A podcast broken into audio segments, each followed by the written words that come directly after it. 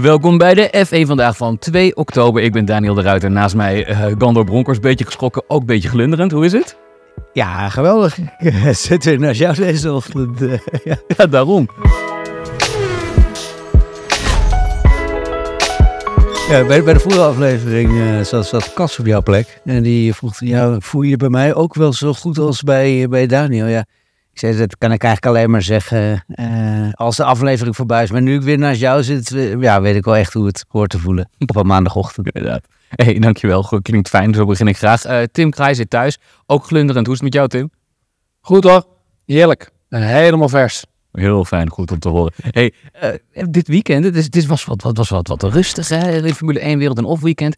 Maar wel de, de greatest of all time, uh, mogen we misschien wel noemen. Die was jarig, 26 jaar geworden, Max Verstappen. Gefeliciteerd. Ja, 26 jaar pas. Uh, je denkt elke keer dat hij veel ouder is, ook als je hem ziet rijden. Het is, het is, zo'n geslepen coureur inmiddels, zo'n zo volledige coureur. hij is, hij is afgezien van het weekend misschien in Singapore ook rustig, kalm. Uh, en ook als je naar zijn prijzenlijst kijkt, ja, 26 jaar, ik, uh, ik ben heel benieuwd waar dit gaat eindigen. Ja, hoe jong hij is, is bijna schrikbarend. Ik bedoel, hij gaat volgend jaar zijn tiende F1-seizoen in. Dan word je 27 je tiende F1-seizoen. Ja, nu, hij is natuurlijk de jongste starter ooit. Als je 2014 meerekent, zijn eerste F1-actie, zit hij al tien jaar betrokken bij de Formule 1.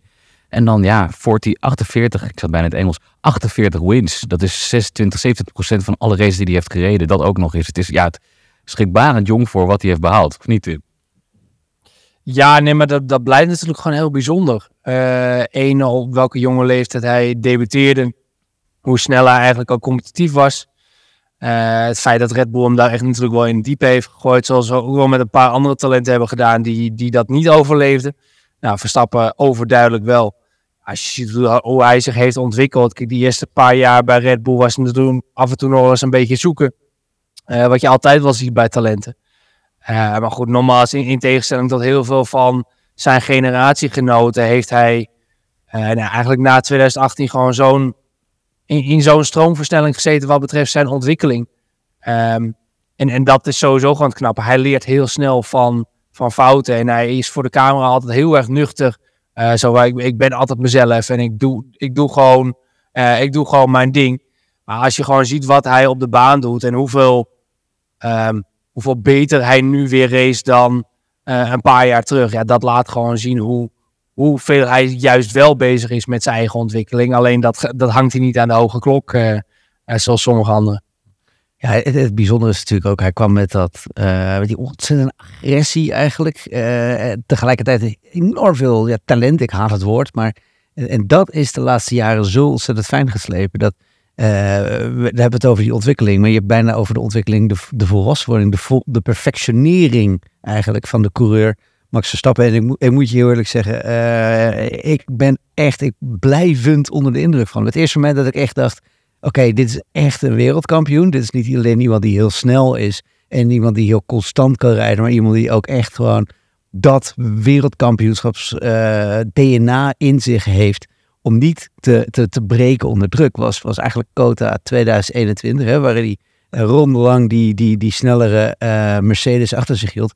Dan roept iedereen natuurlijk, ja, maar wat dacht je dan van Spanje 2019, hè? Kimi Räikkönen, 16, ja. Uh, 16, sorry, sorry. Uh, ja, dat is ook allemaal wel echt zo. Alleen uh, in Kota ging het echt om het wereldkampioenschap. En was het, was het niet Kimi Räikkönen in een Ferrari, maar de zevenvoudig wereldkampioen. Uh, op weg naar zijn, zijn, zijn achtste wereldtitel, Lewis Hamilton.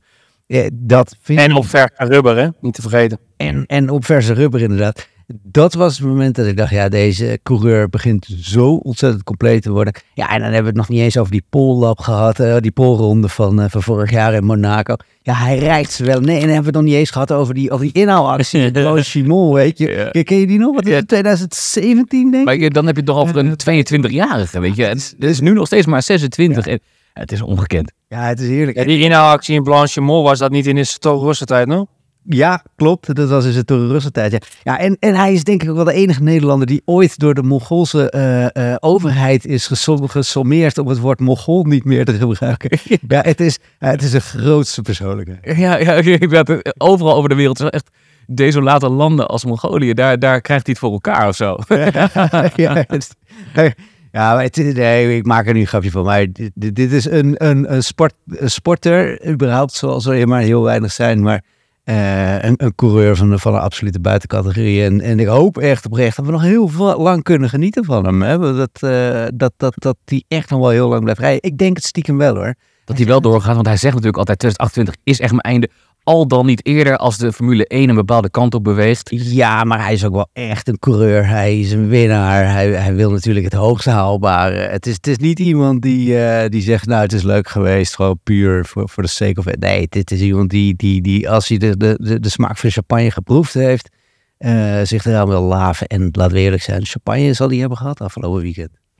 Maar ik moet zeggen, ehm, eh, ik hoop dat inderdaad ook enorm. Eh, dat hij nog heel lang onderdeel blijft van de Formule 1. Want ik ben ook wel benieuwd hoe, hoe, ver ontwikkelt hij zich nog verder. Zeg maar. hoe, hoe goed gaat hij echt worden en, en hoe gaat hij weer om met nieuwe, nieuwe rivaliteiten.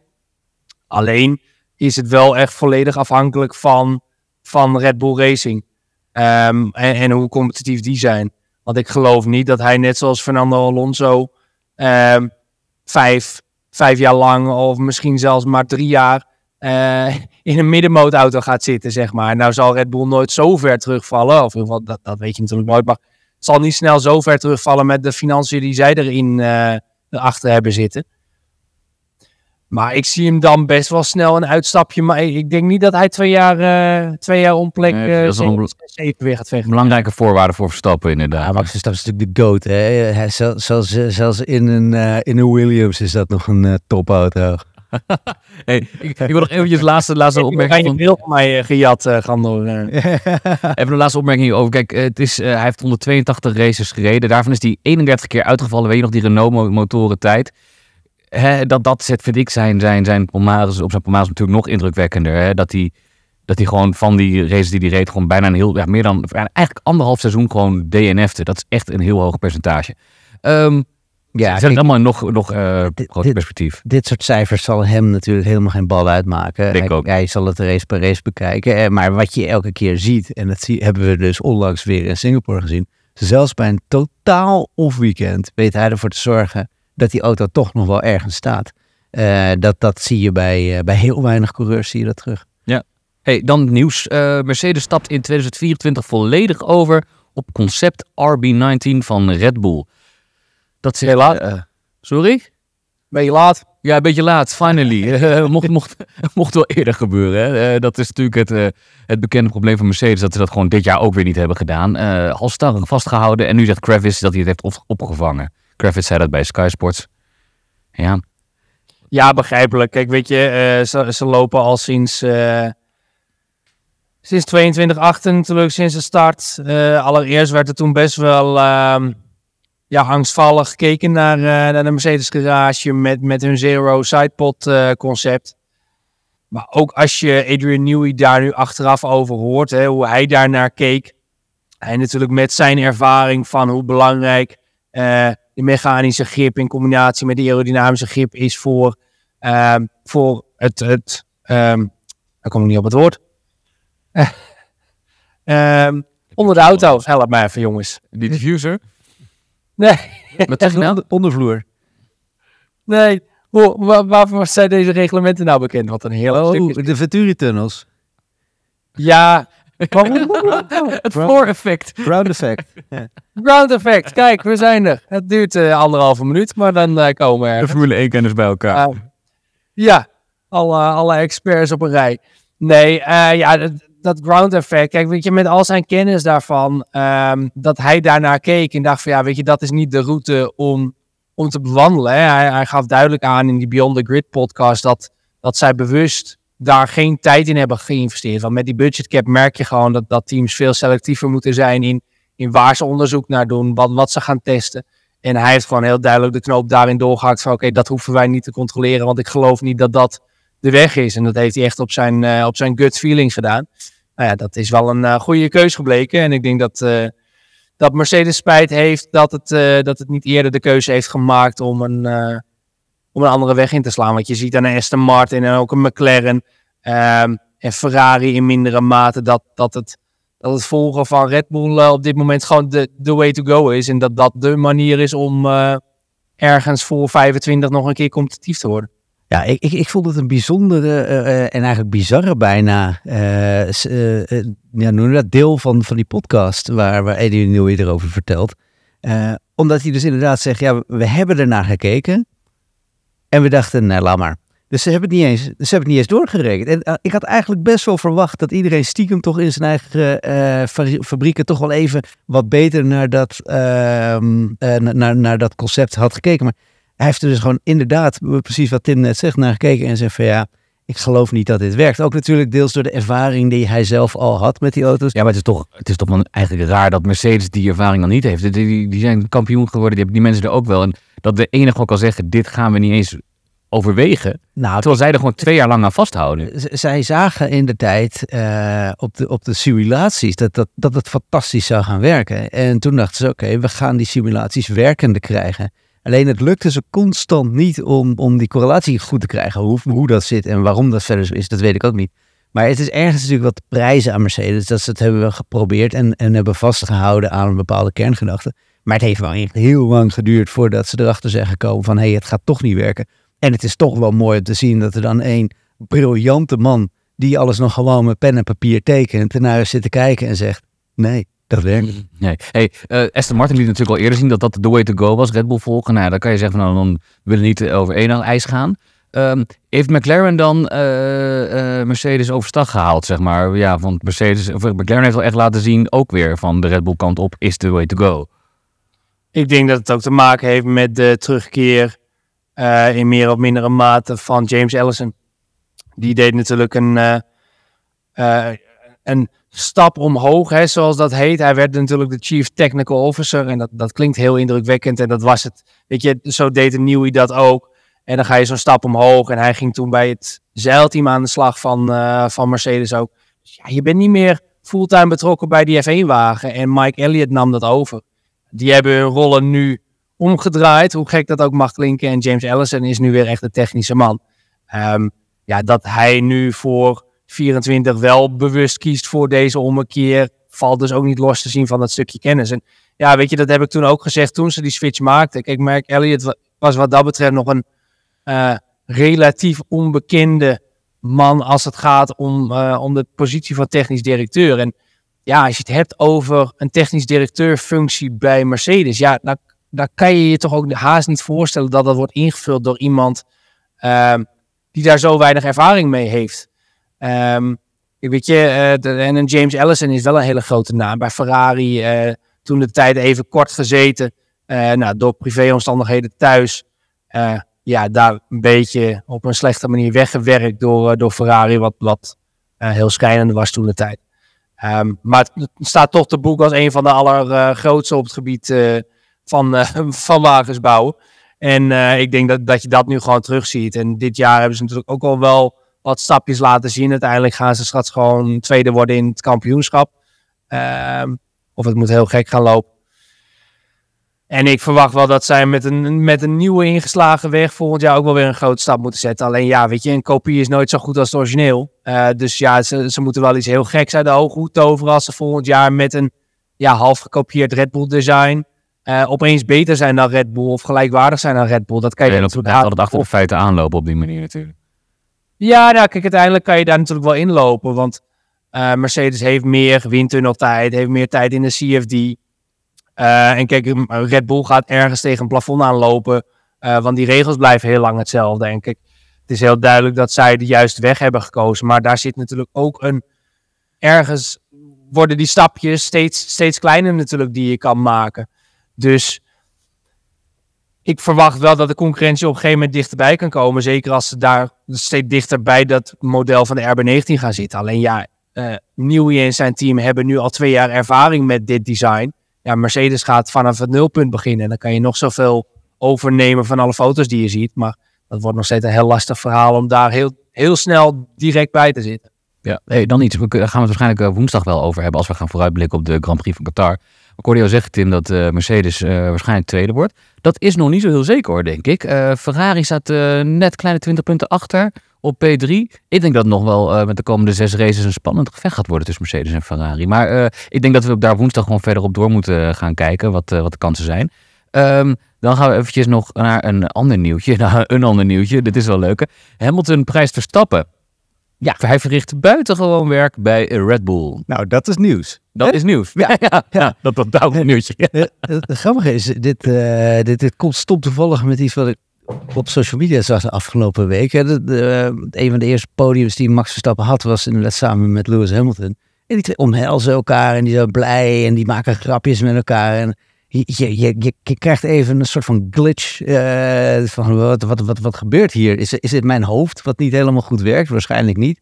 Eh, maar het, het, ja, eh, er was ooit een tijd waarin die twee met z'n tweeën amabelen op het, op het podium stonden. Opval- opvallende beelden. Of heel opvallende beelden. En nu zijn de momenten dat ze iets vriendelijks over elkaar zeggen redelijk op één hand te tellen. We weten allemaal hoe dat komt. 51G in Cops Corner zal ook wel enigszins een gevoelige tik zijn geweest. Eh, ik moet heel eerlijk zeggen, eh, ik, vind het, eh, ik vind het vriendelijk van Lewis Hamilton dat hij dit zegt. En nou ja, laten we hopen dat het het begin is van een verzoening. Ja, zal ik even voorlezen wat hij precies zei? Hij zei, wat wil je horen? Het enige wat ik kan zeggen is, blijf doen wat je doet. Max verricht momenteel buitengewoon werk bij Red Bull. Ja. Ben je dan heel cynisch? Wat Ehm, een grootste, wat een grootste man. ja, maar ben je, ben je dan heel cynisch als je zegt, zoals Ed Racefreak op de website ook zegt, buitengewoon werk dan bij Red Bull? Weet je wel, van daar doet hij het goed, maar als hij bij mij had gezeten, eh, eh, dan had hij het niet zo gedaan als ik. Of is, ja, is dat, wat ik zeg, vraag ik, eh, is dat te cynisch? Ja, dat is wel een heel cynische interpretatie hoor. Ja, ook niet. Het racefreak. Ja. Wat, wat zeg jij? Ik denk- Tim? Ja, ik denk dat we blij moeten zijn dat hij een keer iets, eh, iets enigszins positiefs zegt. Ehm, kijk, aan de andere kant, en dat zegt Gander ook geregeld, ze worden ook maar al die vragen gesteld en daar, moeten ze maar een antwoord weer op geven elke keer. Ehm, dus dat je daar niet elke keer eh, enorm lovend bent over je concurrent, daar kan ik ook nog wel ergens, eh, ergens in komen. Eh, en er, zal altijd oud zeer blijven zitten tussen die twee en al helemaal tussen de twee fangroepen. Ehm, weet je, lekker laten. Hij zegt dit, het is zowaar een compliment. En ik denk dat dat al heel wat is. Stap in de goede richting, lijkt het zo.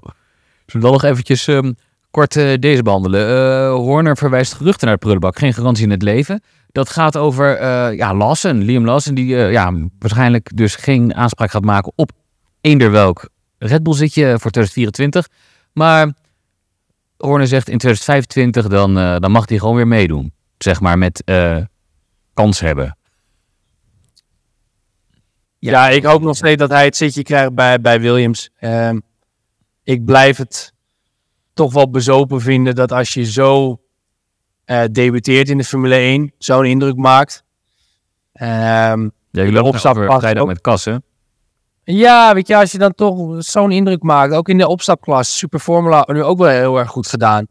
Ehm, ja, weet je, wat, wat moet zo'n jongen ervoor doen om, ehm, om wel dat zitje te krijgen bij Red Bull? En, en Red Bull is altijd wel het team geweest dat dat jong talent een kans heeft gegeven. Dus ik vind het wel jammer dat hij die kans niet krijgt.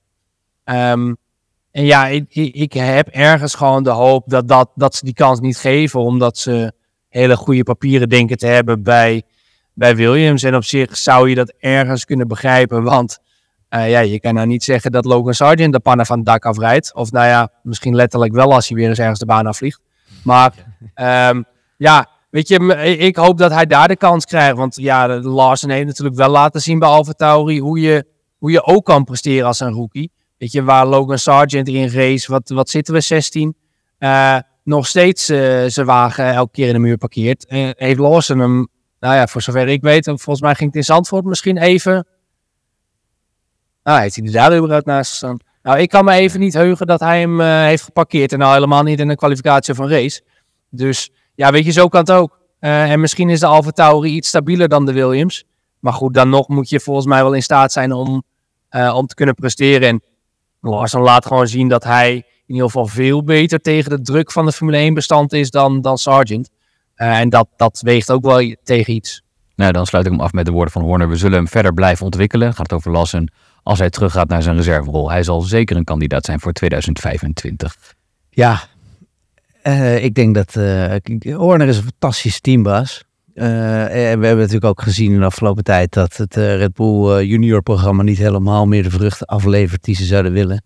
Ik denk dat ze gewoon stabiliteit in die auto willen. Hoe onbegrijpelijk het ook vindt verder. Maar ja, Tsunoda naast Ricardo. Het is ook geen slechte drivers line-up. En er zal een hoop daar gaan veranderen. Ik denk stiekem dat Ricardo commercieel ook gewoon veel interessanter is. Zal zeker ook meetellen. Dus ja, het, is, het, is, het is met name heel lullig voor, voor Las. En ik, ik sluit me eigenlijk volledig bij Tim aan. Ik hoop vooral dat hij elders een zitje inderdaad kan krijgen. Ja, hey, dan uh, het laatste. Tim gaat naar Qatar. Ja, surprise, surprise. Het is weer in het Midden-Oosten. 42 graden staat op de planning. Um, toch wel vervelend in een land waar je over het algemeen uh, raar wordt aangekeken met korte broek en een t-shirt. Dus uh, ik uh, ga weer veel zweten dit weekend. Maar, ja, maar, ja, maar jij gaat natuurlijk zweten omdat jij het hartstikke druk hebt en voor ons al het laatste nieuws naar binnen gaat halen. Wat staat er op de planning? Uh, nou ja, kijk, sowieso natuurlijk gewoon alle, alle persmomenten die, uh, die je daar altijd hebt rondom zo'n uh, Grand Prix weekend. Ik, ik, spreek met een coureur die ze zojuist een nieuwe contract heeft verlengd. In een op één gesprek met Guan Yu Zhou. dus ben wel benieuwd naar zijn verhaal en hoe hij kijkt naar volgend jaar. Ik heb een tijdje terug met zijn rivaal voor dat zitje Theo Poucher gesproken. Dus ik ben benieuwd hoe hij daar tegenaan kijkt. en daarna spreek ik nog met ja, een bekende man achter de schermen bij Red Bull. Ik, hou de naam nog even hier. Maar ik heb eerder dit jaar natuurlijk al één op één met Marco gezeten. En kan in Qatar ook weer uh, met een van de kopstukken van Red Bull spreken. En dat is natuurlijk mooi in een weekend waarin uh, Verstappen uh, zo goed als zeker zijn titel binnen gaat halen. maar wat ik zeg, de naam die hou ik nog even achter de scherm. Spannend. Ja, en niet, niet te veel rozenwater drinken daar, hè? Nee, waggelend over straat en jullie zien me niet meer terug hier in Nederland. Dus uh, ik, ik ga me netjes gedragen. Okay. leuk. Ik, uh, ik zou even de kijkers willen vragen om dan, uh, als je nog een vraag hebt voor Guan Yu Zhou, hè, dan instrueer Tim even. Dan krijg jij je antwoord op je vraag. dit was de F1 vandaag voor 2 oktober. Dank jullie heel erg voor het kijken en het luisteren. En ik dank Gandor en Tim ook voor het hier zijn en even lekker meepraten. Dank jullie wel. Doei doei.